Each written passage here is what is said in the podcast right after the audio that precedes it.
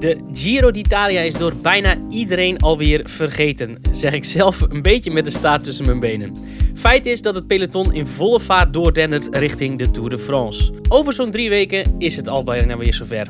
Maar tot die tijd zijn er nog genoeg vraagstukken die open liggen. Welke sprinters tonen zich in de ZLM Tour? Waarom gooide Mathieu van der Poel plots zijn programma om? En welke uitdagingen liggen er voor de topteams in opbouw naar Le Grande Boucle? Tegenover mij zit Raymond Kerkhoffs. Mijn naam is Juri Eindsen en dit is de Wielenflits podcast. Maxime is zich mentaal aan het voorbereiden op de Tour de France en geniet op dit moment van een lekkere vakantie. Ehm, daarom doe ik dit deze week samen met Raymond. En ehm, ja, uh, zou ook onze collega Julian Dubbelt nog even aanschuiven, want die is uh, aanwezig in de ZLM Tour. Maar um, dat past eventjes niet op dit moment.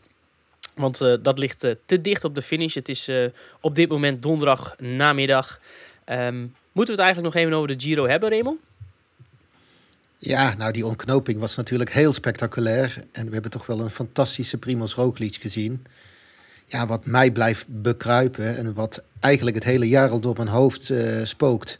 En alleen maar sterker en sterker wordt. Hoe kan het nou in godsnaam dat Primoz Roglic de Tour de France niet gaat rijden? We weten dat hij een moeilijke winter heeft gehad. Die uh, toch wel een behoorlijke ingrijpende operatie in zijn schouder. Waardoor hij toch later dan normaal in vorm kwam.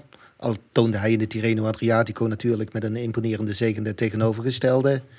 Maar in de Giro zag je gewoon dat hij beter aan het worden was. En hoe hij heeft uitgehaald op de voorlaatste dag in die klimtijdrit... bewijst gewoon dat hij tegen het einde van de Giro op zijn sterkst was. Nou, ik kan me echt niet voorstellen dat Jumbo-Visma straks in Bilbao... zonder uh, van start gaat. Dat is voor mij totaal onbegrijpelijk. Ja, zeker ook als je nu nog ziet dat uh, Steven Kruiswijk is weggevallen. Sepp Kuss ook al een Giro heeft in, de, de, benen. Ja, genoeg onderwerpen dadelijk om over die Jumbo-Visma uh, samenstelling voor de Tour te gaan spreken. Goed, dat gaan we ook zeker doen. Um, laten we meteen eventjes beginnen met de wedstrijd die op dit moment um, al begonnen is. er staat een hele drukke week ligt er voor ons qua koersen. Um, maar inmiddels begonnen en ook al alweer op de helft. Het criterium du Dauphiné. En eigenlijk, uh, Raymond, ja, kan ik niet anders concluderen dat Jumbo-Visma daar opnieuw alweer domineert. Ja, heel verrassend. Uh, toch twee ritzegers in de massasprints van Christophe Laporte. Had hij natuurlijk wel bij die tweede sprint een beetje het geluk dat uh, Sam Bennett en Dylan Groenewegen elkaar in de weg reden, elkaar voor de wielen reden. maar ja, dat is sprinten, daar moet je ook geluk bij hebben. Alleen ja, ik, ik zag vandaag ook in, diverse Belgische kranten met name... er werden toch al behoorlijk wat conclusies getrokken uit die tijdrit. Ik denk dat die tijdrit heel weinig zeggend is voor de komende ronde van Frankrijk. Tijdrijden is niet echt een factor in de, de komende Tour. We hebben het belangrijkste gaat die tijdrit rond Combloux worden. Maar ja, dat is vooral een klimtijdrit. Ja, en zo'n vlakkere, langere tijdrit uh, waar gisteren in, in de Dauphiné kende...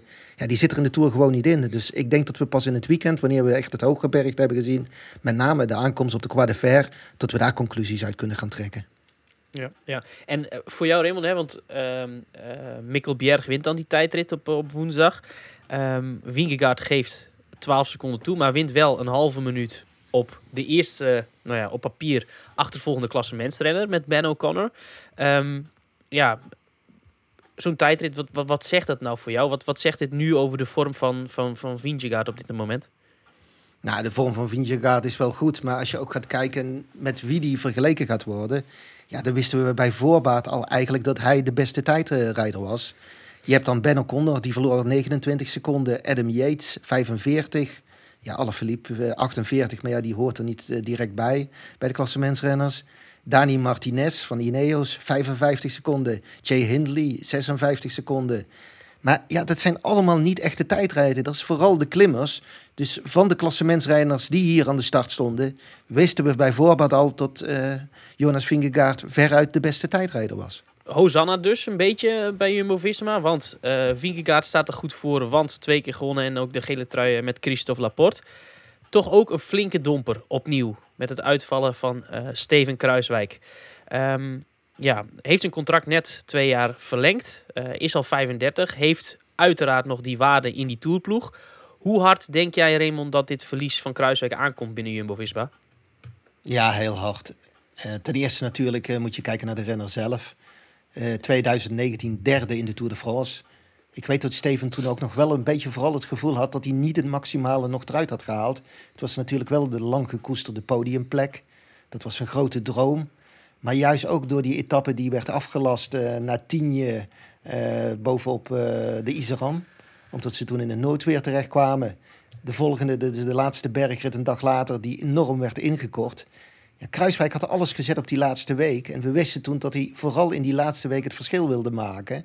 Ja, en daarom had hij steeds het gevoel van, ja, die derde plek, dat was niet echt het maximale wat ik eruit heb kunnen halen. En hij keek eigenlijk heel sterk vooruit naar de jaren wat zouden volgen. Nou, vanaf die derde plek in de Tour heeft hij alleen maar uh, tegenslagen gekend. Uh, gevallen in de, tour, in de Dauphiné in 2020, op, in die gravel-afdaling, waar, uh, waar in één keer heel wat renners lagen. En hij volgens mij ook zijn sleutelbeen brak en een streep door de Tour kon zetten. Een jaar later ging hij voor de Giro in de coronajaren. Nou, hij werd toen ook nog door corona geveld. Terwijl hij echt in een hele goede positie zat om die ronde te winnen. Of in ieder geval ook op het podium te rijden in die Giro. Mhm. Ja, en vorig jaar ook weer uit de Tour moeten uh, letterlijk gevallen. Ja, het, het, is, het is een... De ene tegenslag naar de andere volgt elkaar op. En ja, dat is wel heel hard voor een renner die weet dat, uh, dat hij ver boven de 30 is. En tot de kansen die hij nog krijgt om een Tour te rijden... om goed te presteren op het allerhoogste niveau... Uh, ja, niet meer eens meer op één hand zijn te tellen, maar op een paar vingers zijn te tellen. Ja. Ja, over hoe die selectie dan straks eruit komt te zien, daar, krijgen we het, uh, daar hebben we het straks nog over aan het einde van de uh, podcast. Ook bijvoorbeeld uh, over Ineos, want die hebben met Ethan Hater ook iemand verloren met een sleutelbeenbreuk in, in de Dauphiné, die waarschijnlijk naar de Tour was gegaan. Um, wil, ik je, wil ik nog even met je terug naar de tweede etappe, um, waar Julian Alaphilippe won. met een zegengebaar waarbij hij eigenlijk liet zien tegen de hele wereld jullie moeten een beetje rustig blijven. Is Alaphilippe nu in één keer weer helemaal terug, Raymond? Ja, ik denk wel dat je die conclusie mag trekken uit die ritzegen. Met name uh, als je gaat kijken wie meededen om die ritzegen. Lastige aankomst. Het ging tussen hem en uh, Olympisch kampioen uh, Carapaz. Ja, hij won dat toch wel weer op zijn Alaphilippe, zou ik zeggen. Echt heel indrukwekkend. Dat venijnige zat weer terug in hem. Ja, het is een uitzonderlijke kampioen en die moet je nooit te vroeg afschrijven. Zeker nu richting met het oog op de Tour, dat hij in de Dauphiné, de kleine ronde van Frankrijk ook wel genoemd, precies op tijd en vorm is. Ja, en, een vorm, dit, het is vaak zo'n dun draadje waarop je balanceert. En als het goed valt, dan stijgt die motivatie en dan word je alleen maar beter en beter. Ja, en ik denk dat hij dit gaat aangrijpen om nog een tandje erbovenop te doen. Ja, schrijf maar op, Alaphilippe gaat zeker een rit in de Tour winnen. Die is echt terug. En dan ook daarna, hè, het WK natuurlijk, wat in, uh, wat in Glasgow volgt, twee weken na de Tour. Um, mogen we hem toch ook alweer stilletjes aan bij gaan schrijven. Terwijl dat dit voorjaar daar eigenlijk geen, uh, nou ja, geen aanleiding toe was. Nee, totaal onzichtbaar. Uh, de kritiek van Lefebvre kan ik heel goed begrijpen. En ja, er wordt wel heel vaak naar Lefebvre gekeken van, ja, wat zegt hij nu weer? Maar hij zegt vaak toch wel goede dingen op de juiste momenten. En ook wel dingen op momenten dat hij weet dat het zijn renners hard raakt. Maar hij weet ze daarmee te prikkelen. En uiteindelijk is Lefebvre toch wel iemand die ook altijd voor zijn renners opkomt. Want als de hele wereld tegen iemand is, ja, dan, dan antwoordt Lefebvre precies weer het tegenovergestelde. En neemt hij het echt voor iemand op. Zoals hij bij Remco Evenepoel een paar keer mm echt heeft gedaan. Uh, ja, wat dat betreft is het wel misschien wel de meest sluwe vos die ik in het mhm. peloton ken. En ja, dat kenmerk Lefebvre. Uh, ja, ik, ik, denk voor de wielersport, Alaphilippe is gewoon een parel. Is, is een van die grote kampioenen. Drie jaar of twee jaar geleden spraken we nog over de grote drie. Wout van Aert, Mathieu van der Poel en Julian Alaphilippe. Ja, nu leek het in één keer alsof hij al dood en begraven was. Ja. Maar uh, hij leeft nog. Gelukkig. Gelukkig. Um, de komende vier dagen, het is nu op dit moment donderdag, dus we moeten eigenlijk uh, spreken over de komende drie dagen, het slotweekend. Uh, lastige finales. Zaterdag de Koninginnenrit in uh, het Criterium du Dauphiné met aankomst op de Col de la Croix de Fer. Um, de meeste renners die goed willen zijn in de Tour, naast Vingegaard, hè, we hebben net ook al een rijtje genoemd, die rijden hier en niet zozeer in de Ronde van Zwitserland. Um, in hoeverre gaan we aan het eind van de Dauphiné een afspiegeling zien van hoe de krachtsverhoudingen straks liggen in de Tour, Raymond? Ja, ik denk toch wel altijd dat die redelijk duidelijk is. Als je een goede Dauphiné rijdt, dan rij je ook gewoon een goede Tour. Dat, uh, ja, dat is eigenlijk zolang ik het wielrennen volg, is dat altijd het geval geweest. Wil niet zeggen dat je de Dauphiné moet rijden om de Tour te kunnen winnen. Dat heeft uh, in het verleden ook nog uh, aangetoond. Ja, en je moet ook niet te vroeg conclusies trekken, want er zitten toch nog een paar weken in. Als je naar de tijdrit gaat kijken, ja, de, degene die uh, de grootste opdonder krijgen, dat waren David Gaudu en Rick Mas. Toch, toch, maar ja, specialistische klimmers, die verwacht ik ook dit weekend. Ja, en elke een enorme tegenvaller was natuurlijk Egan Bernal. Die toch ook echt wel een veel te groot uh, tijdsverschil, bijna drie minuten geloof ik, ten opzichte van Mikkel Berg kreeg. Ja, ik had hem veel beter verwacht in die tijdrit. Ik weet niet hoe jij daarnaar kijkt, Juri. Ja, ik vind het lastig. Ik, hè, er is al een aantal keer geweest um, dit jaar dat ik denk van... hé, hey, hij is op de weg terug. En vervolgens moest hij dan een dag of twee dagen daarna opgeven... of was er weer een reden waarom hij de koers verlaten had. Um, dus ja, ik krijg niet heel veel hoogte van Bernal.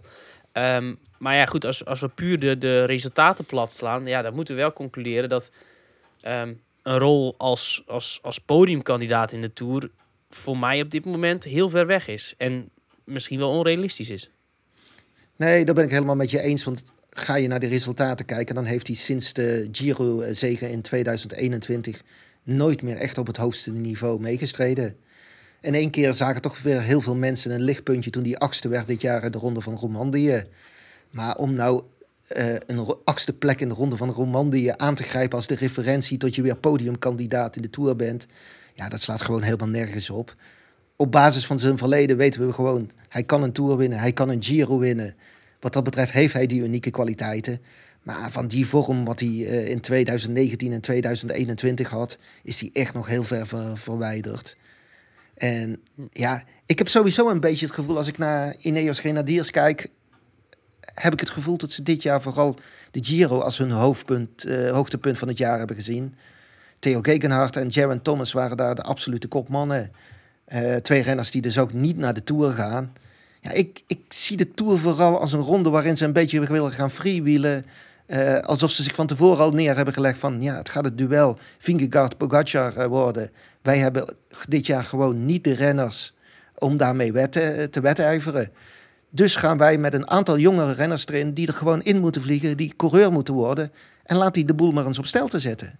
Dat verwacht ik tenminste. Ja, ik, ik ben heel benieuwd. Dat is wel wat, uh, wat David Brailsford in ieder geval nu een beetje bij, eh, bij Ineos erin probeert te, te krijgen. Om, om ja, een beetje, nou, daar hebben ze al afstand van genomen, maar die, die Skytrain die jarenlang bekend was, om daar, nou ja, toch dat imago een beetje op te poetsen. Um, zaterdag begint ook de Ronde van Zwitserland. Daar zien we onder meer de terugkeer in competitie van Wout van Aert en ook Wilco Kelderman. Um, er was eventjes zelfs een gerucht dat Roglic hier aan de start zou staan na zijn Giro-zegen. Um, omdat de Ronde van Zwitserland nog de enige World Tour rittenkoers van een week is die hij niet op zijn palmares heeft staan. En omdat dus al die andere grote favorieten in de Dauphiné zitten. Heb je daar iets van geloofd, Raymond?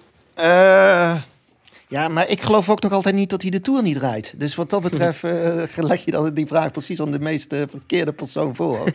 ja, ik ben er nog altijd overtuigd dat uh, die toverhoed, die hoge hoed van Jumbo-Visma in Bilbao... tot er in één keer een konijn uitspringt met de naam Primoz Roglic. Ja. Volgens mij is het gewoon de tactische meesterzet... waarmee ze Pogacar en UAE Emirates het hele jaar op het verkeerde been proberen te zetten. Maar dat komt misschien vooral om, tot het voor mij totaal onbegrijpelijk zou zijn. Pogacar, uh, wat is hij? Of uh, Roglic, toch tegenwoordig ook al 33 geloof ik. Ja, wordt 34 in oktober. Ja, dan heeft hij toch ook nog maar een paar jaar de kans om de Tour te winnen. En met alle respect, hij, de Ronde van Zwitserland staat er nog niet op. Maar op zijn palmares ontbreekt maar één grote prijs. En dat is de Tour. En waarom, als je een topvorm bent in het slotweekend van de Giro... waarom zou je die niet rijden? En ik vind het ook een beetje arrogant om te zeggen... ja, maar we kunnen met Vingegaard alleen aan. Daar, uh, we weten wat de zwakheden van Pogacar zijn. Boven de 2600 meter, massaal aanvallen... op de berg voor de slot klimmen... hem al in problemen brengen en hem isoleren. Zo moeten we dat gaan doen. Ja, Pogacar is gewoon de beste renner van deze generatie. Uh, met alle respect voor Jonas Vingegaard. Want prachtige renner, heel overtuigend vorig jaar de Tour gewonnen... Maar hij heeft ook de Tour gewonnen omdat Pogacar niet het team had en tactisch enorme uh, domme fouten heeft gemaakt. Daar hebben ze bij UAE Emirates ook van geleerd. Dus ik vind het een beetje, ja, wat ik allemaal een beetje rond Jumbo-Visma hoor, ik vind het een beetje arrogantie ten top. Wout van Aert las ik in een interview in Wielerrevue dat hij zei van ja, ik wil niet zo vermoeid als vorig jaar uit de Tour komen. Vooral die laatste week, die heeft er bij mij behoorlijk ingehakt. En we weten nu twee weken na de Tour is het WK. Nou, de laatste week van de Tour vorig jaar heeft hij meesterwerk verzet en eigenlijk de rode loper uitgelegd voor Jonas Vingegaard. Dus met andere woorden, zegt Wout van Aert hier, Vingegaard kan in die laatste week niet op mijn volledige steun rekenen. Nou, Sepp Koes, vorig jaar fris in de Tour gegaan. Heel belangrijk, rit naar Alp de West. Was hij echt meesterlijk hoe hij toen reed voor uh, Vingegaard. Ja, die heeft nu toch al een Giro in de benen. Hoe sterk gaat hij nog zijn? Uh, Steven Kruiswerk uh, valt weg. Toch een heel ervaren kracht. Wordt dan vervolgens door Wilco Kelderman. maar ja, hoe lang is het ook alweer geleden dat Wilco Kelderman op het hoogste niveau heeft gestreden? Dus ja, ik vind het allemaal net Waarom zou je niet naar de Tour... Is, het is de enige wedstrijd waar je echt op afgerekend gaat worden. Dat is de grootste pannenkoek, om het uh, in de woorden van uh, Richard, Richard Plugge te, te, zeggen. Waarom zou je dan niet met de allerbeste opstelling van start gaan? Ja, dat is een goede vraag. Um, laten we daar vooral zo meteen nog even over verder uh, bakkeleien. Want uh, nu we nu het hierover hebben, um, wat zou jij doen als je Remco Evenepoel was? Want die keer terug, eigenlijk onvoorzien in de Ronde van Zwitserland. Is dat ook niet misschien stiekem een masterplan van Patrick Lefevre richting de Tour? Ja, ik zou dat wel zo doen. Ik heb uh, Tom Dumoulin hier ook al over gehoord. En, Precies. Uh, en ik ja, moet ik... zeggen, Tadej Pogacar zei vorige week hetzelfde. Hij zei, als ik in zijn situatie zat als wereldkampioen, was ik naar de Tour gegaan. Dus uh, je bent niet alleen. nee, en ik ben het ook helemaal eens. Tom Dumoulin die zei van Remco Evenepoel heeft, kan zon, ditmaal voor de laatste keer in zijn carrière waarschijnlijk zonder enige druk, zeker zonder klassementsdruk, van start gaan in de Tour en kennis maken met het fenomeen Tour de France. Een wedstrijd die met geen enkele koers te vergelijken is. Met alle respect voor de Vuelta, alle respect voor de Giro. De Tour is echt een hele andere koek. Nou, dit was een uitgelezen kans waarin dat mogelijk was. En zoals Tom Dumoulin zei, van ja, maar is het straks de bedoeling dat Remco Evenepoel alleen nog maar wedstrijden gaat rijden waar hij voor de overwinning mee rijdt? Dus waar altijd de druk bij hem neerligt dat hij mee moet doen. Ja, we weten van Tom zelf in zijn carrière hoe zwaar dat viel. Al was het de UAE-tour, al was het de Tirreno, elke keer ging hij ook van start om een klassement te rijden. En ik denk toch dat het af en toe ook belangrijk is dat je in zo'n koersje freewheelend kunt meerijden. Dat je gewoon eens even kunt spelen, ritje uitkiezen, volledig ervoor gaan. Uh, gewoon plezier hebben op de pedalen. En die kans was er nu voor Evenepoel. En dan was hij echt, hij kan echt voor die uh, amusementsfactor zorgen. Laat hem gewoon een beetje zijn koers zoals Mathieu van der Poel dat straks van plan is in de Tour. Ritjes uitzoeken, volledig ervoor gaan, de boel gewoon lekker op stel te zetten. En de wielersport is dan de grote winnaar. Ja. En in hoeverre is het dan bijvoorbeeld mogelijk in zo'n zo'n ronde van Zwitserland als nu? Zitten twee tijdritten in. Um, Oké, de wedstrijd is al over anderhalve dag, maar de startlijst is verre van compleet. Die zal er zeker zijn, maar um, op dit moment zijn de grootste concurrenten voor een eventuele eindzege Juan Ayuso, Wilco Kelderman, Romain Bardet, Sergio Higuita en misschien Tom Pitcock. Um, is hij aan zijn stand verplicht om hier te winnen, Raymond? Nou, ik vind het moeilijk om dat uh, te beoordelen, omdat je niet precies weet hoe het met die coronabesmetting uh, is gegaan, hoe hard hij heeft kunnen trainen. Hij gaat zaterdag uh, pas voor het eerst ook met de media praten over hoe, dat, hoe die weken na de Giro zijn verlopen. Ja, is moeilijk. In, ik, ik vind ook niet dat je iemand meteen weer voor, uh, voor het blok moet stellen en dat je moet zeggen hij moet daar helemaal voor gaan. Ja, maar Remco even een poel gaat zeker als hij ergens van start gaat en ook wetende dat elke vezel in zijn lichaam is nog veel ambitieuzer dan de wijze hoe wij naar hem kijken. Het, is gewoon een geboren winnaar. Ja, die gaat tot het uiterste. Maar of die een klassement moet gaan rijden in Zwitserland, daar plaats ik wel vraagtekens achter. Uh, laat ik het dan anders stellen, Raymond. Wat, wat, is, wat is nu eigenlijk voor jou de voornaamste beweegreden om hem hier te laten starten? Als ze dus echt definitief geen Tour rijden, dat blijft toch spannend. En uh, ja, ja? Dat, daar blijven we toch misschien een beetje aan vastklampen. Of misschien is dat ook wel ons uh, wielerhart, hè, Jury, dat, dat we die hoop blijven hebben. Want dat, Roglic en, uh, en Evenepoel aan de start maakt een, gewoon een ronde van Frankrijk tien keer interessanter. En ze worden er ook gewoon thuis. Maar laten we ervan uitgaan dat Patrick Lefevre precies allemaal alleen maar de waarheid heeft verteld. En tot het daadwerkelijk geen Tour en geen uh, Vuelta gaat worden. Ja, dan zal hij toch ergens weer moeten beginnen met wedstrijdkilometers in de benen te krijgen met het oog op het WK. En dan is Zwitserland echt wel een hele logische keuze. Ja, goed. Wat vind jij eigenlijk de mooiste koers? Zwitserland of de Dauphiné? Ja, ik heb jarenlang bijna alleen maar uh, de Dauphiné gedaan. Sterker, ik heb één keer de Ronde van Zwitserland gedaan en ik denk dat ik 25 keer de Dauphiné heb gehad. Ja. Vooral ook omdat je toch de beste renners voor de Tour elk jaar voor de Dauphiné kozen. Uh, en ik moet ook zeggen, in de beginjaren toen de Dauphiné nog georganiseerd werd door de krant de Dauphiné Libéré mhm. en niet in handen was van Tour de France organisator ASO, toen was het ook echt een schitterend parcours. Elke keer een paar dagen in de Ardèche, in de Droom en uh, in de Provence, rondom de Mont Ventoux. Mm Dus ik moet zeggen, mijn uh, hart als francofiel klopte toen echt wel iets harder. als ik elke keer weer een paar dagen in die schitterende streken mocht zijn. Tegenwoordig gaan ze meer naar Clermont-Ferrand, gaan ze meer eigenlijk dat gebied rond Lyon zoeken ze op. Vind ik wel jammer. Maar als je kijkt, wielertechnisch, uh, Armstrong, Froome, uh, Wiggins, ze kozen allemaal in de aanloop uh, naar de Tour, steeds voor de Dauphiné. Daar krijg je gewoon het beste beeld van wie zijn de sterkste renners voor de komende Tour. Ja. En de ZLM Tour? Het Sprintersfestival, hè? Dat, ja, ik vind het een schitterende wedstrijd dat we die in Nederland hebben. En toch altijd goede renners in Nederland weer in actie zien. Want dat is toch wel eigenlijk een zeldzaamheid. Uh, dit jaar Mark Cavendish als de absolute klepper erbij. Ik moet wel weer zeggen, als ik dan weer naar de ZLM-tour eh, kijk...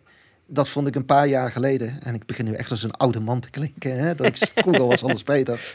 Maar als je zo'n rit als de La Gileppe nog had... net, mm -hmm. ja, nee, niet echt een zware Ardennenrit... maar het, het hikte er wel tegenaan... Ik heb daar Marcel Kittel zien strijden om een leiderstrijd te behouden. Mark Cavendish heeft die ronde een keer gewonnen, maar moest echt tot het uiterste daar gaan rond dat stuurmeer in de Ardennen.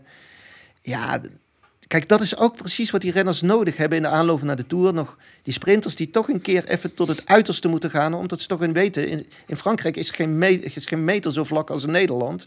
Dan ga je geen ritten krijgen zoals uh, nu naar Heineken Zand of straks zelfs de rit Schijndel-Buchten, eh, wat vroeger nog een beetje een Limburg-rit was. Maar daar heb ik ook geen enkele heuvel in kunnen uh, vinden voor het komend jaar. Ja, weet, weet, je, dat heb je niet. Dus daarom is het, zou het voor die sprinters ook veel beter zijn... wanneer ze de mogelijkheid hadden gehad om zo'n Gillette-rit nog erin te hebben... en het dag echt diep in het rood te kunnen gaan. Ja. Ja, ja, ja. Hey, en, en als je ook kijkt naar het deelnemersveld, hè, we zien hier best wel een aantal uh, mooie uh, sprinters.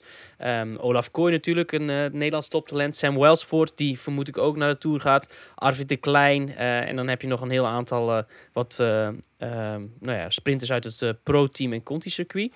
En dus Cavendish.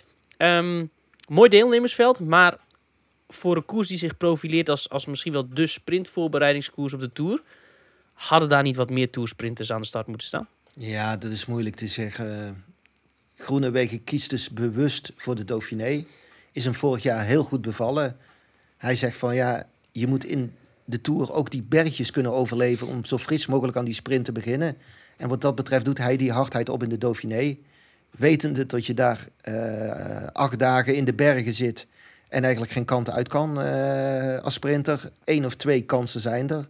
Nou, die ene kans, uh, toen is hij gedisqualificeerd geworden. Dus dat is doodzonde. Ja. ja, het is alleen maar afzien, tientallen bergen oprijden met de wetenschap. Hopelijk word ik hier beter van, van het oog op de Tour.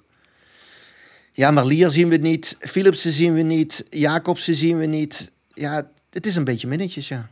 Toch zijn wij mediapartner van de ZLM Tour. Met onder meer een, een dagelijks liveblog. En zijn we eigenlijk ook bijna dagelijks op locatie. Jij bent volgens mij, als ik me niet vergis, Raymond, uh, ook aanwezig vrijdag in Buchten. Um, Julian zal zaterdag zijn, onze redacteur, die normaal gesproken had aangeschoven. Vandaag was ook gisteren bij de proloog, um, maar was, was daar nu te druk. En collega Nick zal ook de zondag er zijn. Dus verwacht ook de komende week de nodige video's en interviews uit de ZLM Tour. Um, je zei het net al, hè, een aantal sprinters die hier niet zijn. Een aantal sprinters die wel volgende week de Ronde van België rijden zijn bijvoorbeeld dus Fabio Jacobsen, Caleb Ewan, Christophe, Cavendish zal er ook opnieuw zijn. En Mathieu van der Poel, die niet de Ronde van Zwitserland rijdt, zoals beoogd uh, in zijn uh, planning deze winter. Maar toch heeft besloten om dwars door het Hageland en de Ronde van België te rijden. Zijn uitleg daarbij dat hij liever koerst om te winnen dan dat hij eigenlijk uh, nou ja, twee tijdritten rijdt en zes keer in de gruppetto zit in, uh, in de Ronde van Zwitserland. Um, hoe denk jij over die keuze, Raymond? Nou, wat zou zijn keuze kunnen zijn geweest om de Ronde van Zwitserland te rijden? Dat betekent dat hij meer klimkilometers zou willen maken. Dat hij toch nog uh, wil werken aan zijn hardheid. Echt die competitiehardheid. Maar heeft een renner als Mathieu van der Poel die tegenwoordig nog nodig? Als je gaat kijken hoe uitgebalanceerd die hoogtestages zijn. Hij zit nou drie weken geloof ik op La Plagne. Uh, ja. ja. dan zit je echt uh, midden in de Alpen. Precies alle mooie klimmen daaromheen, uh, die heb je. Ik ben in het verleden bij Tom Dumoulin geweest. Die heb ik toen een paar keer gevolgd. Col de la Madeleine ligt om de hoek. de weg naar Tignes is niet ver. Les Arcs. Ja, je hebt er zoveel mooie klimmen. Ja, dus wat dat betreft denk ik dat, dat hij tijdens die hoogtestage al zoveel geklommen heeft... dat die hardheid er is... Ja, en tot hij nu bewust gaat kijken van, ja, ik wil voor die overwinning gaan, wil diep gaan om voor die zegens mee te sprinten. Uh, misschien de snelheid in zijn benen nog vooral meer krijgen dan de hardheid. En dat hij daarom voor België heeft gekozen. Maar jij hebt eh, de persconferentie met hem gevolgd. Ja, ik denk dat jij nog een veel beter beeld ervan hebt. Nou ja, ik, ik vond dus vooral dat hij daar uh, heel erg relaxed was. Ik denk dat jij dat kunt uh, beamen, omdat uh, nou ja, sinds die videomeetings er zijn vanwege de coronapandemie, zijn er al een flink aantal ook met Mathieu van der Poel geweest. Nou, het was niet de eerste keer geweest als hij onderuit gezakt en een beetje ongeïnteresseerd de vragen had beantwoord. Puur omdat het eigenlijk nou ja, voor hem een verplicht nummer is. Nu vond ik dat totaal niet. Hij was opgewekt, hij was relaxed, hij maakte grapjes. Um, was duidelijk goed in zijn hum. Uh, zei ook steeds dat hij eigenlijk super gemotiveerd was. Of eigenlijk gemotiveerder dan ooit om naar die Tour te gaan. Um, dat hij ook daarom zo'n goede voorbereiding heeft uh, gedaan. Omdat hij die Tour echt wil uitrijden. Um, um, dus ja, is dus helemaal in zijn sas. Uh, overweegt zelfs het NK tijdrijden te rijden. Is ook niet iets wat meteen in de lijn der verwachtingen lag. Uh, gaat toch ook dat WK mountainbike straks nog na het WK op de weg rijden in uh, dezelfde Glasgow. Dus het was eigenlijk een, uh, een goed nieuwsshow rondom Van der Poel. Maar wat ik mezelf nu, nu wel afvroeg, Raymond. Um, de komende Tour de France. Alpecin de Koning, zijn ploeg, heeft geen klassementsrenner. Um, ga misschien wel met Jasper Philipsen voor groen. Alhoewel die beslissing volgens Van der Poel nog niet gemaakt is. Maar ja, um, wat, wat, wat voor soort Tour uh, kan een type van de pool rijden over een maand? Laat ik eens even terugkomen tot hij goede zin heeft. Dat kan ik echt wel heel goed begrijpen. Want toen ik bij Tom Dumoulin was, toen heb ik me eigenlijk vol verbazing gekeken hoe saai en hoe leeg het daar boven in La op dit moment in het jaar is. Daar is gewoon helemaal niks, nada, niks open. Uh, geen restaurantje te vinden, geen koffiebarretje als je boodschappen moet gaan doen, uh, dan moet je 18 kilometer naar beneden om in Burg Saint-Maurice een supermarkt te vinden. Elke keer weer op en neer. En dan kom je boven en er is gewoon niks te beleven. En ja, ik kan me nog herinneren van Van der Poel, dat als je met hem over hoogtestages had, ja, dan had je het over Levigno. Dat vond hij wel mooi, want daar had je nog zijn Italiaanse restaurantjes, daar kon je nog een winkeltje in gaan.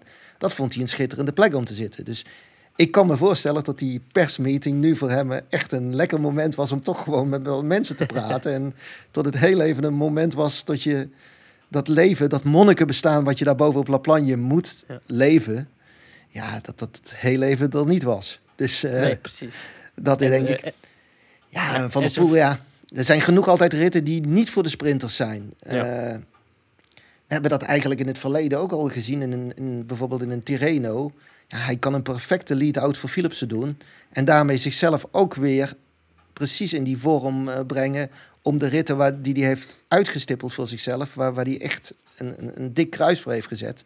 Om daar er volledig voor te gaan. Dus ja, ik vermoed dat er vier, vijf dikke kruisen in het rondeboek van Matje van der Poel staat. En tot hij er dan ook uh, voor gaat. En dan, want dat ben ik wel nieuwsgierig. En die andere ritten dan, want ik, had het daar ook met hem over. Ik zei, ja goed, weet je, dat WK ligt straks. Wat voor Tour moet of kan je dan rijden? Want hè, vorig jaar weten we allemaal nog, in die Giro d'Italia was hij misschien wel de smaakmaker van de ronde. Zo'n beetje iedere dag zat hij wel mee uh, in een ontsnapping of, of won hij een rit. Um, ja, was daar echt gewoon op dreef.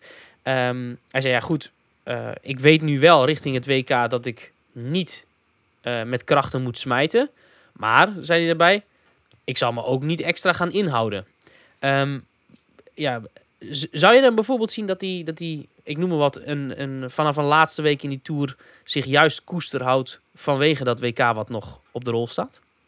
Nou, ik denk niet een hele laatste week. Maar ik denk wel dat hij dan bepaalde ritten gaat uitkiezen, dat hij niks gaat doen.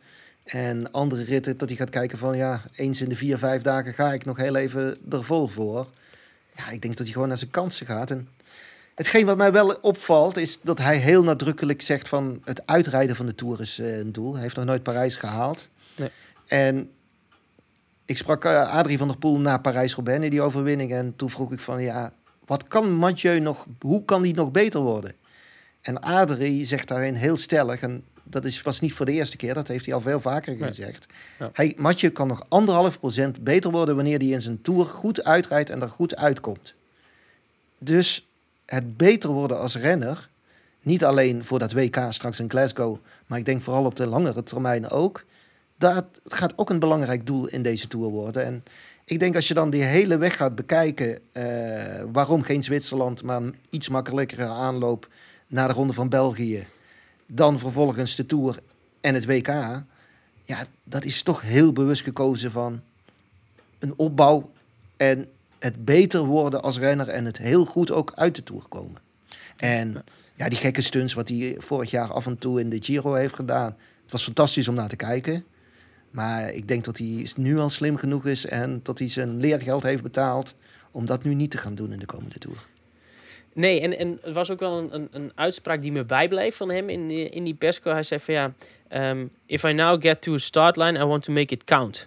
Het was een persconferentie in het Engels, waarmee hij dus eigenlijk zei van ja, ik wil eigenlijk alleen nog maar koersen als ik weet dat het telt. En dat ja, niet, niet zomaar meer doelloos ergens erin vliegen, maar gewoon wel, nou ja, eigenlijk uh, heb ik het idee dat hij vanaf nu gaat koersen uitsluitend eigenlijk om te winnen. Um, en in hoeverre is het dan opvallend dat hij zo bezig is, hè, dat hij dat toch overweegt, met zo'n NK tijdrijden? Wat voor mij echt best wel als een verrassing kwam. Ik vind eigenlijk die uitspraak wat hij zegt, vind ik niet verrassend. Want dat is, past ook alweer een beetje in de lijn van zijn ontwikkeling. Uh, vorig jaar, voor het incident in Wollongong, uh, vertelde hij nog heel duidelijk van... ja, maar zo'n WK op de weg is voor mij heel belangrijk. Want ik besef ook dat ik nu al op een leeftijd aan het komen ben... dat ik nog maar een aantal kansen krijg om wereldkampioen te worden. En dat was eigenlijk het eerste signaal dat hij toch bezig is om vooral een palmares neer te zetten. En ja, als je vroeger aan Mathieu vroeg van ja, wat vind je leuk? Dan zei hij ja, erin vliegen, lekker koers maken, uh, zorgen dat het een fantastische show wordt. Ja, en voor de rest, wegwielrennen vond hij eigenlijk maar saai als hij moest wachten op zijn kansen. En daarom vloog hij er ook af en toe onbezonnen in. Ja, en kreeg je van die bizarre etappes die we vorig jaar in de Giro kregen. De afgelopen winter heb ik het daar uitgebreid met uh, José de Kouwer over gehad. En ja, die signaleerde precies hetzelfde. En die zei in december al tegen mij: schrijf maar op, 2023 gaat het jaar van Mathieu van der Poel worden. Omdat hij nu beseft dat hij serieuzer moet leven, serieuzer zijn kansen moet uh, gaan grijpen. Maar ook is gaan inzien dat hij een palmares bij elkaar wil gaan fietsen. Dat hij grote wedstrijden wil winnen om een zo rijk mogelijk palmares te krijgen en de waarde ervan te zien dat je straks drie, vier, misschien wel vijf monumenten op je lijst hebt staan. Zoveel etappes in de Giro, zoveel etappes in de Tour. Ja, hij is daar in één keer mee bezig. Hij ziet die waarde daarvan, terwijl hij dat vroeger altijd ontkend heeft ja, noem het volwassen worden. Heel interessant in ieder geval uh, om, om te blijven volgen. Uh, hoe die het ook doet uh, de komende weken. Um, richting de Tour, Raymond, wil ik er toch nog eventjes met je op terugkomen. Want we hebben al een aantal ploegen besproken. Laten we maar meteen vanuit Nederlands oogpunt beginnen met, met Jumbo-Visma. We gaan eventjes de grootste drie ploegen bespreken. Nou, Kruiswijk kan een kruis maken over de Tour. Kelderman vervangt hem. En ja, volgens Mathieu Heijboer worden ze daar niet zwakker van. Hoe denk jij erover? Nou, goede Wilco Kelderman uh, speelt echt absoluut een hoofdrol. Dat hebben we gezien uh, in die fantastische Giro wat hij in 2020 reed. Uh, 2021 is het alweer dat hij vijfde werd in de Tour. Ja. Eh, de kleuren van Boren ook een hele sterke ronde. Vorig jaar natuurlijk weer een pechjaar gehad. Ja, als Kelderman goed is, zit hij gewoon bij de beste vijf tot zeven renners in de Ronde van Frankrijk. Als hij niet valt ook, hè. Precies, want dat is nog altijd een factor. Ehm, is hij daarmee bergop, als hij dus in vorm is, een solidere kracht dan Kruiswijk was geweest? Dat durf ik niet te stellen. Uh, In mijn ogen mag je ze op hetzelfde niveau plaatsen. Maar we zien ze de laatste jaren eigenlijk relatief zo weinig meer in actie. Hè? En, uh, zijn het alle twee uh, meesterknechten in hart en ziel? die zichzelf helemaal kunnen wegcijferen voor een Vingegaard daar ben ik ook niet helemaal van overtuigd. Dat, dat, dat moet ik ook nog eerst eens heel duidelijk gaan zien. Want ja, dat, eh, vorig jaar ook maar een paar ritten tot ik dacht van Kruiswijk heeft nou iets gedaan voor Vingegaard. Op weg naar Alp de West uh, destijds, maar, maar ook niet echt heel spectaculair. Uh, ja, wat dat betreft hebben we eigenlijk drie renners waar we in Nederland jaren op gebouwd hebben. Robert Geesing noem ik dan ook erbij, Steven Kruiswijk en Wilco Kelderman ja, die zitten toch de laatste jaren enorm in de lappenmand. En het komt er niet meer uit wat, we, wat erin heeft gezeten en wat we eigenlijk van ze verwachten. Dus ja, dat is wel doodzonde. Ja, ja, nu moet ik wel heel eerlijk zeggen, ik heb een beetje zijdelings tijdens deze podcast uh, de finale van het Criterium du Dauphiné gewonnen, waar Vingegaard uh, heeft huisgehouden uh, deze namiddag. Kelderman er dus bij. Nou, er werd eigenlijk in het voortraject gezegd, hij is de eerste reserve als er iemand uitvalt. Nou, dat gebeurde helaas voor Jumbo-Visma twee dagen later al. We hebben het al gezegd, hè, Koes is nog een vraagteken. Want hoe komt hij uit de Giro? En kan hij wel eh, van diezelfde goudwaardes dat hij voor Roglic was... dat ook straks voor Vingegaard zijn? Uh, Roglic, um, ja, laat en Zeeman voorlopig met rust, zei hij. Stel dat het toch gebeurt dat er nog iemand, hè, dat Koes niet fit genoeg blijft... of dat er toch nog iemand wegvalt. Voor de Giro moesten ze vier keer wisselen, notabene. Wie zou jij dan oproepen als vervanger als Roglic niet beschikbaar is, Raymond? Ja, iedereen wijst naar Attila Valter. Hè? Zit nu ook in de Dauphiné, heeft ook in de voorbereiding toch wel uh, ongeveer uh, hetzelfde programma gedaan. Uh, is nog redelijk fris, niet te veel koersdagen dit jaar. Ja, als je het rijtje afgaat, is dat de meest logische keuze. Meer nog dan Geesink bijvoorbeeld? Want ik moet zeggen, die heeft natuurlijk die bekkenbreuk gehad in, in, in Australië aan het begin, begin van het jaar. Ik heb toen heel even gedacht, oei, op zijn leeftijd komt dat wel goed. Nou, ik vond dat die heel snel eigenlijk terug was. En met name in Romandie vond ik hem echt indrukwekkend sterk, vlak voor de Giro. Maar goed, ook hij werd uh, gegrepen door het, uh, door het coronaspook. Um, ja, zie je hem nog een, een, rol van betekenis kunnen spelen in een Tour? Ja, maar het lijkt dat Robert Geesing binnen Jumbo-Visma echt op het tweede plan uh, op het ogenblik zit. Hij is geen moment is hij tot dusver ook genoemd voor de Tourploeg. Niet als reserve niet als een persoon die, die nog een tienje of ergens langs kan gaan om te werken aan een bepaalde vorm uh, voor de Tour. Ook niet in die Dauphiné-ploeg, wat toch eigenlijk de selectie van Jumbo-Visma grotendeels ja. richting de Tour is. Ja, en wat ik ook opmerkelijk dan vind, ja, ze hebben Kruiswijk verlengd voor twee jaar, maar Geesing is niet verlengd. Dus gaat de ploeg wel door nog uh, met Geesing? Daar, daar plaats ik ook vraagtekens achter, want anders ja. had ik toch al nieuws verwacht. En toen ze de vorige keer bijtekenden, ja, toen waren in één keer maakte Jumbo-Visma toen bekend... we zijn rond met Kruiswijk, Van Emde en Geesink, met die drie. Ja. Nou, van uh, Jos weten we dat hij gaat stoppen. Robert heeft, uh, toen ik hem de laatste keer tijdens het column van uh, Ride Magazine sprak... heeft duidelijk aangegeven, ja, maar ik wil door. Ondanks die val in Tour Down Under is zijn wil om door te gaan absoluut niet gebroken. Maar we zien nog altijd geen contractverlenging. Nee, ja. nee, zeker niet. Jij bent er wel van overtuigd dat Roglic dus nog uit die hoge hoed komt. Nou, niet overtuigd, maar het zou voor mij echt onbegrijpelijk zijn als ze het niet doen. Laat ik het dan zo zeggen, Raymond. Mochten ze toch hem in één keer uh, als een soort Houdini-act in Bilbao voor het Guggenheim Museum zeggen... Kijk, hier is hij, Primoz Roglic. Wat, wat kan hij dan? Want als je zo'n zware Giro hebt gereden... en daar is iedereen het toch wel over eens met, met dat slechte weer... met die loodzware slotweek... ben je dan kans hebben voor een Tourzege? Tegenover de frisse jongens tomorrow we will see. Hè? Ja. It's a race and if you start, you have a chance. Nou, ik denk dat Primos een Texas dit zal uitspreken hè, als hij aan de start daar zal staan. Ja, maar, maar Primos is geen gewone. Hè. Daar zit zo'n granieten kop op. Uh, die kan echt dieper gaan dan wie dan ook. Een uitzonderlijke wielrenner, want kijk maar wat hij heeft gepresteerd. Iemand die je nooit te vroeg moet afschrijven, dat, uh, daar weet je inmiddels ook alles van, uh, ja. Uh, ik moet wel zeggen, ik, heb wel, ik ben het wel een beetje met je eens van het allerbeste van Primos. Dat dacht ik ook dat het een beetje achter hem lag. maar je weet het, daar zit zoveel karakter in. En met dat karakter weet hij zichzelf toch weer naar voren te brengen. En heeft hij zich in die klimtijdrit toch naar voren geknookt. Ja, ja eh, hij stond daar wel en hij doet het wel. Dus hij was op het einde van die loodzware Giro nog altijd heel goed. Ja, en als je twee weken rust doet. Uh... Laten we gaan naar, naar het, een van 2019. Uh, Chris Froome, of 2018, Chris Froome wint voor Tom Dumoulin. Nou, ze stonden alle twee ook op het podium van de Tour. Uh, nadat, nadat ze ja. hadden huisgehouden in die Giro. Dus die combi, ja, ik geloof nog altijd dat die kan. Maar je hebt wel een punt met het slechte weer. Is het wel een, uh, loodzware Giro geweest. Die je niet in de koude kleren gaat zitten. Maar als er iemand het karakter heeft om daar over te stappen, dan is maar één renner in het peloton die dat ook kan. En dat is Primos. Ja. En, en laat ik dan zo zeggen, is juist misschien dat mysterieuze wat er toch altijd een beetje rond Roglic hangt. En ook nu eigenlijk, hè, niemand weet hoe het dan met hem zou zijn aan het Giro. En, en Jumbo-Visma kan er natuurlijk uh, met die psychologische oorlogsvoering enorm uh, mee uitpakken. Want ja, Roglic, wat je zegt, is wel altijd een factor. Ze zullen hem niet zomaar laten rijden. Zelfs niet als, hè, dat weten ze alleen binnen Jumbo-Visma dan misschien, eigenlijk helemaal niet zo goed is in de Giro.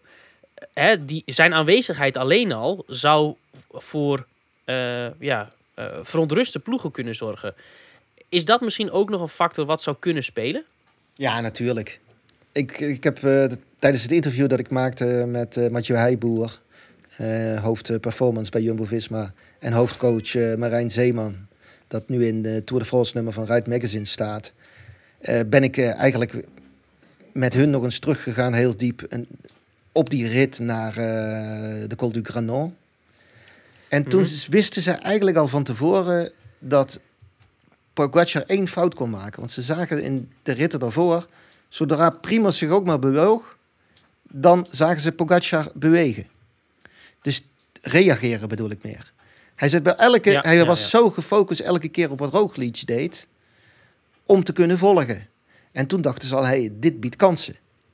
Alleen, ze hebben nooit van tevoren aangegeven of voor Gien Vingegaard of voor Roglic gekozen. Dat heeft Roglic uiteindelijk zelf de beslissing gemaakt van... ik ga me vandaag opofferen voor Vingegaard. En ja.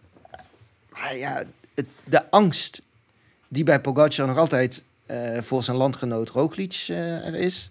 ja, dat kan zeker een factor zijn. Goed. Laten we dan meteen maar eh, doorgaan naar UAE Emirates, de ploeg van uh, Tadej Pogacar. Um, ja, uh, noemen de grote uitdager. Misschien is hij ook wel de grote favoriet. Als hij fit is. En dat is meteen de hamvraag. Geraakt hij op tijd fit, Remel? Ja, ik ga vanuit van wel. Uh, enige wat ik een beetje vreemd vind... Uh, hij heeft vorige week een persconferentie gegeven. Uh, klonk optimistisch. Je bent er zelf bij geweest, hè? Ja. Dus, ja.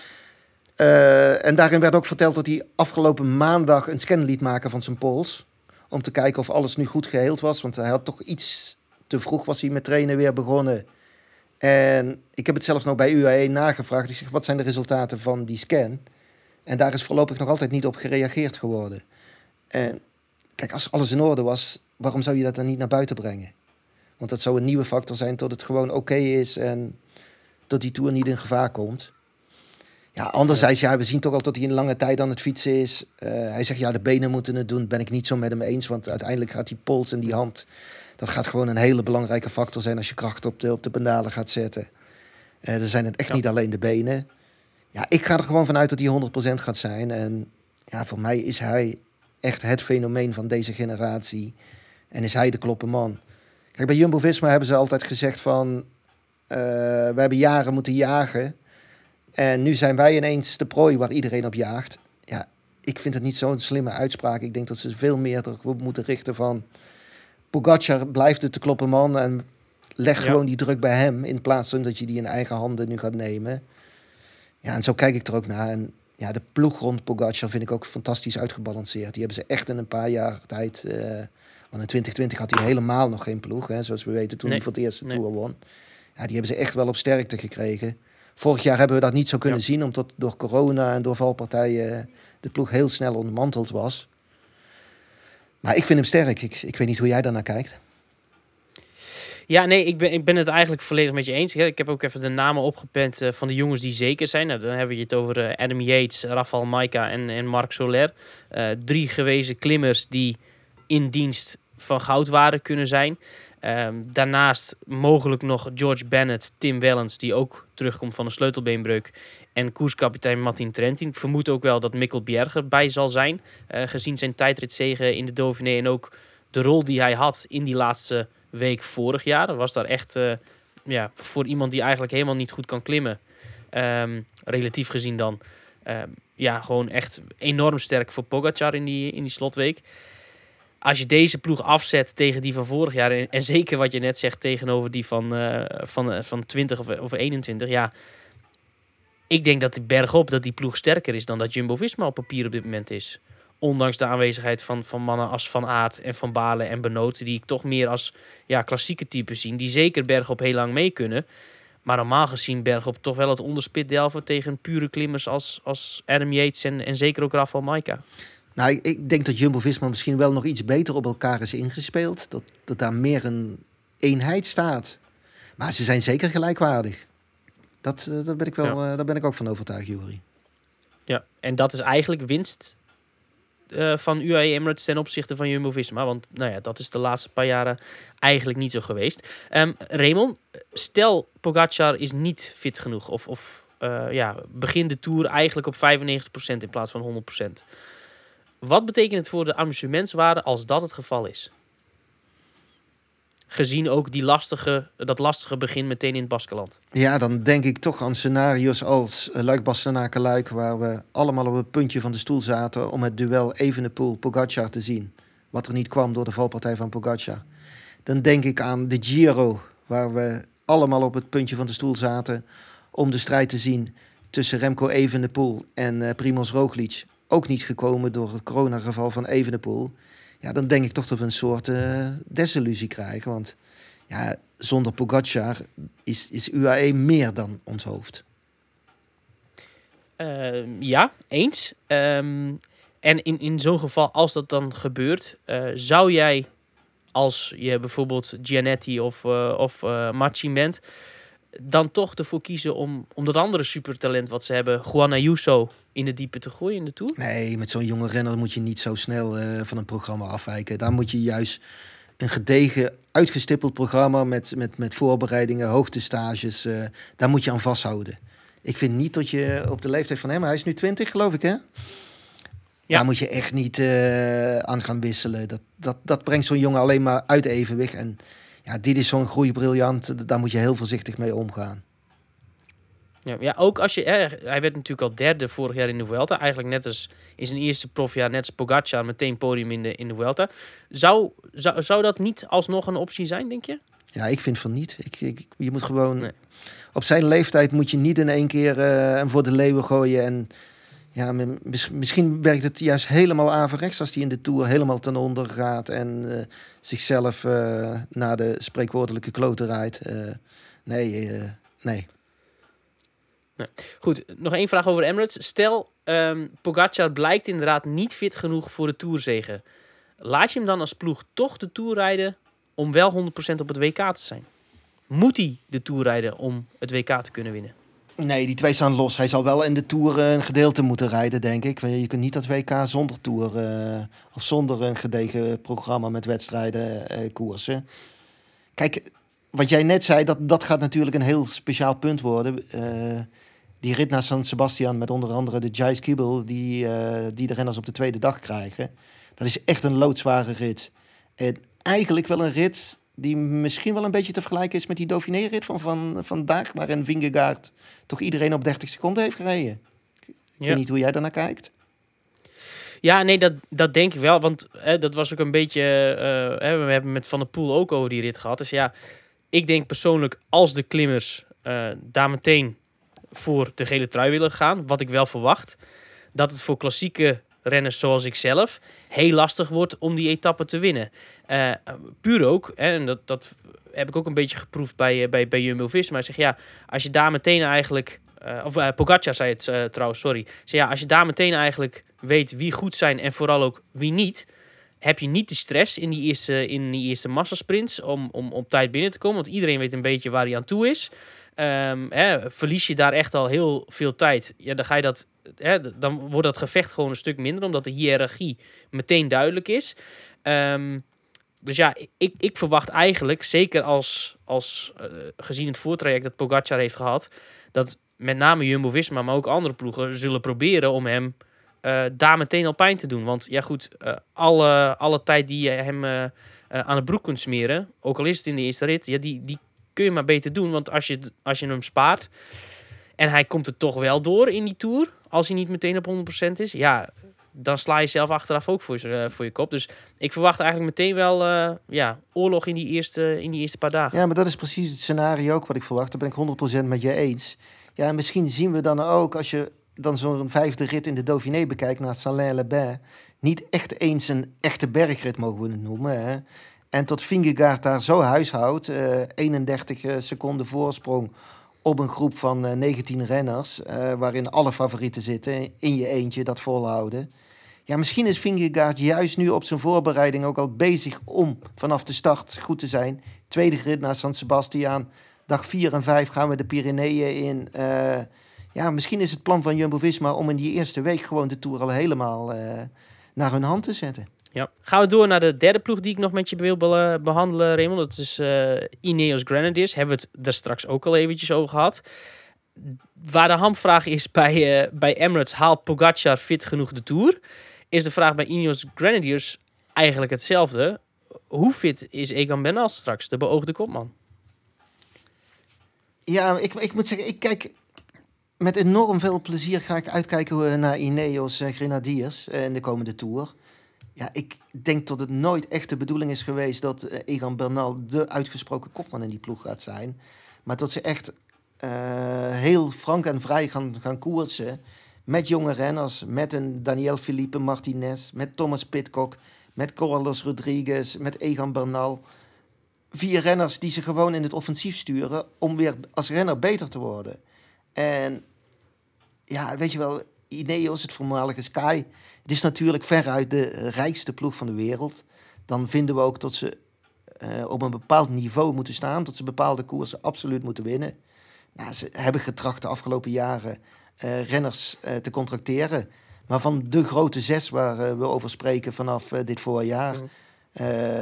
van de klassementrenners dan Vingegaard, Pogacar, Roglic, Wout van Aert, Egal, nee, Wout van Aert, uh, Mathieu van der Poel en wie vergeet ik dan? Remco, Jonas Ja, Remco Evenepoel vergat ik nog. Ja, Kijk, daar hebben sorry. ze geen van de zes, hebben ze. En dat weten ze. En, maar ik vind dat Ineos Grenadiers echt op een hele goede manier met jonge renners bezig is.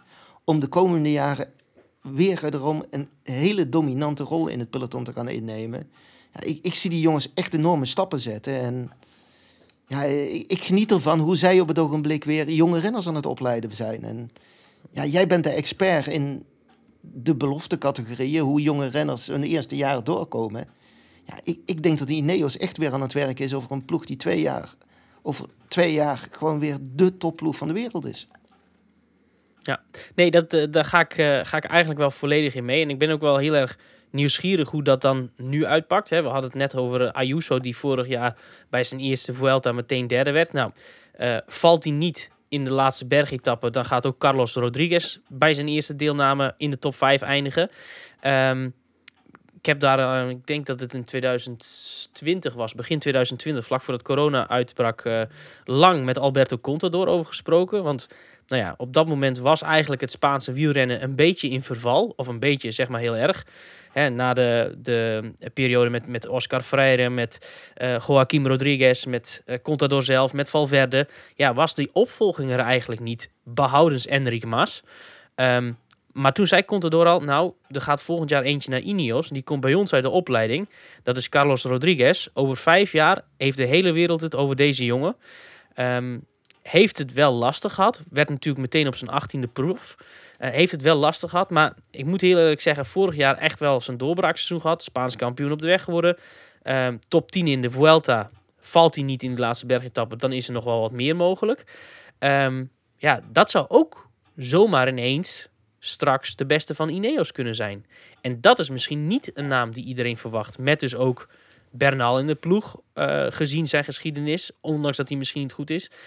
En Dani Martinez was vorig jaar het hele jaar outstanding. Maar uh, zakte door het ijs in de Tour. Dus kan best wel eens zo zijn dat Rodriguez straks de man is. Ja, voor mij is het de dark horse. En uh, ik denk iedereen die meespeelt aan het ploegleiderspel, uh, dit is gewoon de tip, wat misschien wel voor de komende Tour. Maar, die, ja, dat, ja. maar het kan ook zo zijn dat Thomas Pitcock in één keer een hele sterke Tour gaat rijden en ons overtreft met, met wat hij kan. Hè?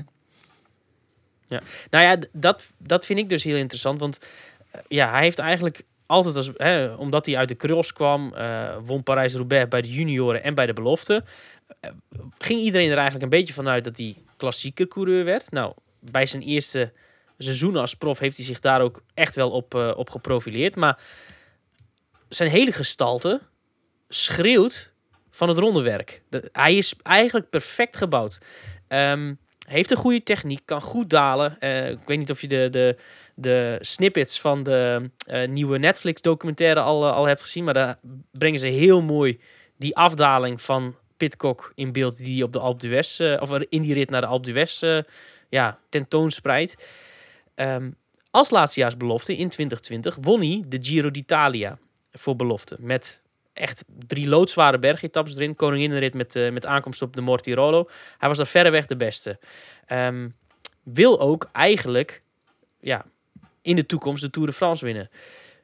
Verbeter me vooral, Raymond, uh, als ik er echt compleet naast zit. Maar uh, we hebben wel eens een zwaardere Tour gezien qua parcours. Um, ik vind namelijk dat, dat ja, dit parcours eigenlijk een beetje gebouwd is voor een, een completere renner. Meer dan voor een pure klimmer bijvoorbeeld. Dus, dus nou ja, uh, vandaar ook dat ik ook niet zo goed begrijp dat Jumbo-Visma niet Roglic inzet. Wat in mijn ogen meer een, een, een, ja, een, een, een coureur is dan Vingegaard. Dat ik toch meer echt een, een, een typische ronderenner vind. Maar juist ook Pitcock zou deze Tour enorm goed moeten passen. Um, dus ja, zou hij dan ook niet misschien op kunnen stappen in één keer, nu al? Hij heeft pas twee grote rondes gereden. Een onopvallende Vuelta, mag ik dat zeggen, bij zijn, uh, zijn ja, eerste grote zeker. ronde. Absoluut. Ja, en een hele opvallende Tour, uh, die hij uiteindelijk als zestiende afsloot. Maar waarin hij eigenlijk in de Alpen heel sterk nog was. Ook binnen de top 10 in het klassement stond. Naast zijn ritzegen ja. natuurlijk op Alpe d'Huez. Maar in de Pyreneeën zag je toch dat hij het terrein verloor. Dus daarin zag je toch dat hij nog moeite had met die derde week. Ja, de vraag is, hoeveel sterker is hij in een jaar geworden? En ja, hoe hebben ze getraind om in die derde week beter te worden? Maar tot daar ambities gaan liggen om een goed klassement te rijden. Ineos kennende is dat zeker het geval. Ja, ja want, want eh, Theo Gegenhardt is natuurlijk uitgevallen met een zware blessure in, uh, in de Giro. Thomas nu nog invliegen uh, zie ik ook niet zo snel gebeuren. Sivakov is natuurlijk ook geblesseerd uit de Tour weggevallen. Um, ik sprak van de week nog heel eventjes kort met Tijmen Arendsman van... Goh, is die Tour nou uitgesloten? Uh, voor het artikel wat vrijdag verschenen is. Um, die zei, ja god, ik ben toch alweer in training... en bij deze ploeg weet je het nooit, maar normaal gesproken niet daaruit proefde ik wel een beetje van ja, misschien weten ze het helemaal wel nog niet eens zo zeker bij Ineos. Ja, maar ze hebben vier man natuurlijk die in principe een goed uh, klassement kunnen rijden. Hè? Met de twee Colombianen, Bernal uh, Martinez ja. en dan Pitcock en uh, Rodriguez. Ja, moet je er dan nog meer? Ja, ik, ik, ik, ik, heb echt het gevoel van... Ze, ze hebben zich een beetje neergelegd bij de overmacht, zoals ik net al zei. Ja, ik val een beetje in herhaling. En dat, dat, dat ze gewoon met deze renners gaan kijken. Ja, ga er maar lekker voor. De Giro was een hoog, hoogtepunt van dit jaar. Daar wilden ze een klassement rijden. Nou, Gegenhard ben ik van overtuigd dat hij heel dichtbij ook was gekomen als die uh, niet zo zwaar was ja. gevallen. Nou, Jaron Thomas, die verbaasde mij vorig jaar al in de Tour. En die heeft me nu opnieuw verbaasd hoe hij dit niveau uh, uh, kon halen op zijn leeftijd. En toch alweer zo na een paar anonieme jaren nadat hij die Tour in 2018 ja. won. 2019, nee, 2018. Nee, dus 18, uh, ja, ja. ja, uh, ja ik, ik, ik denk dat zij voor vuurwerk gaan zorgen en hele gekke dingen kunnen laten zien. En misschien wel de factor gaan hebben van wie kan deze, dat ze iemand de Tour kunnen doen verliezen. Nog één uitsmijter wat dit betreft, Raymond, toevallig? Nee, ja, geen, Nederlandse klassementsrenners. Hè. Dat, dat begint wel een nee. beetje armoede te worden. En ja, ik, ik, natuurlijk, het Nederlands wielrennen gaat niet slecht. Maar als je vooruit kijkt, ja, richting klassementsrenners, richting klimmers. Tijmen Arendsman is, is een beetje de enige hoop die wij hebben voor de komende jaren van, uh, om een goed klassement te rijden. Om echt daadwerkelijk ook straks in een Tour uh, van voren te gaan rijden. Mooi bruggetje naar de, naar de afsluiting, want er staat dus inderdaad een hele drukke koersweek op het programma. Uh, Zwitserland, ZLM Tour, dwars door het Hageland, Brussels Cycling Classic. Um, de Giro voor belofte gaat beginnen. Baloise Belgium Tour is volgende week. En de Vredeskoers is ook dit weekend. Ook een belofte koers. En daarin start Jardi van der Lee. En dan zullen heel veel mensen geen idee hebben wie dat is. Uh, dat is een jongen die komt uit het e-racen. En de afgelopen maand plots in één keer allemaal zware wedstrijden wint. En goed rijdt op internationaal niveau. En Adriaan Helmantel zegt een beetje, ja, het is eigenlijk een beetje een Jay Vine. Die van e-race in één keer bergop laat zien dat hij dat uh, kan doorvertalen. Dus mocht je nou niks te doen hebben dit weekend, is dat misschien vanuit oogpunt naar Nederlandse klassementsrenners wel iets uh, om, uh, om naar uit te kijken. Um, paar huishoudelijke dingen nog. Ride Magazine ligt nu een kleine twee weken in de winkels. Uh, met onder meer uh, een exclusief interview met Pogacar. Um, dubbel interview met Marijn Zeeman en Mathieu Heijboer over de ontwikkeling van Jumbo-Visma. Die verhaal heb jij al bijgemaakt, uh, Raymond. Jasper Philipsen staat centraal in de rubriek De Renner. Romain Bardet vertelt alles over de ontwikkeling van het wielrennen en zijn voorliefde met de Puy de Dôme, die we terugzien in de Tour. En er is ook een uitgebreid verhaal over Sprintland Nederland. Want hoe kan het toch dat wij op allerlei vlakken in één keer zoveel goede sprinters hebben? Is er ook nog Wielenflits ploegleider die er weer aankomt? Want op korte termijn kan jij beginnen met de grote puzzel om je tourploeg in orde te maken. Kortom, genoeg te beleven op wielengebied. En ja, voordat je het weet is het ook meer zomaar weer volgende week vrijdag. En zien Raymond en ik jullie virtueel terug in de lucht. Tot dan!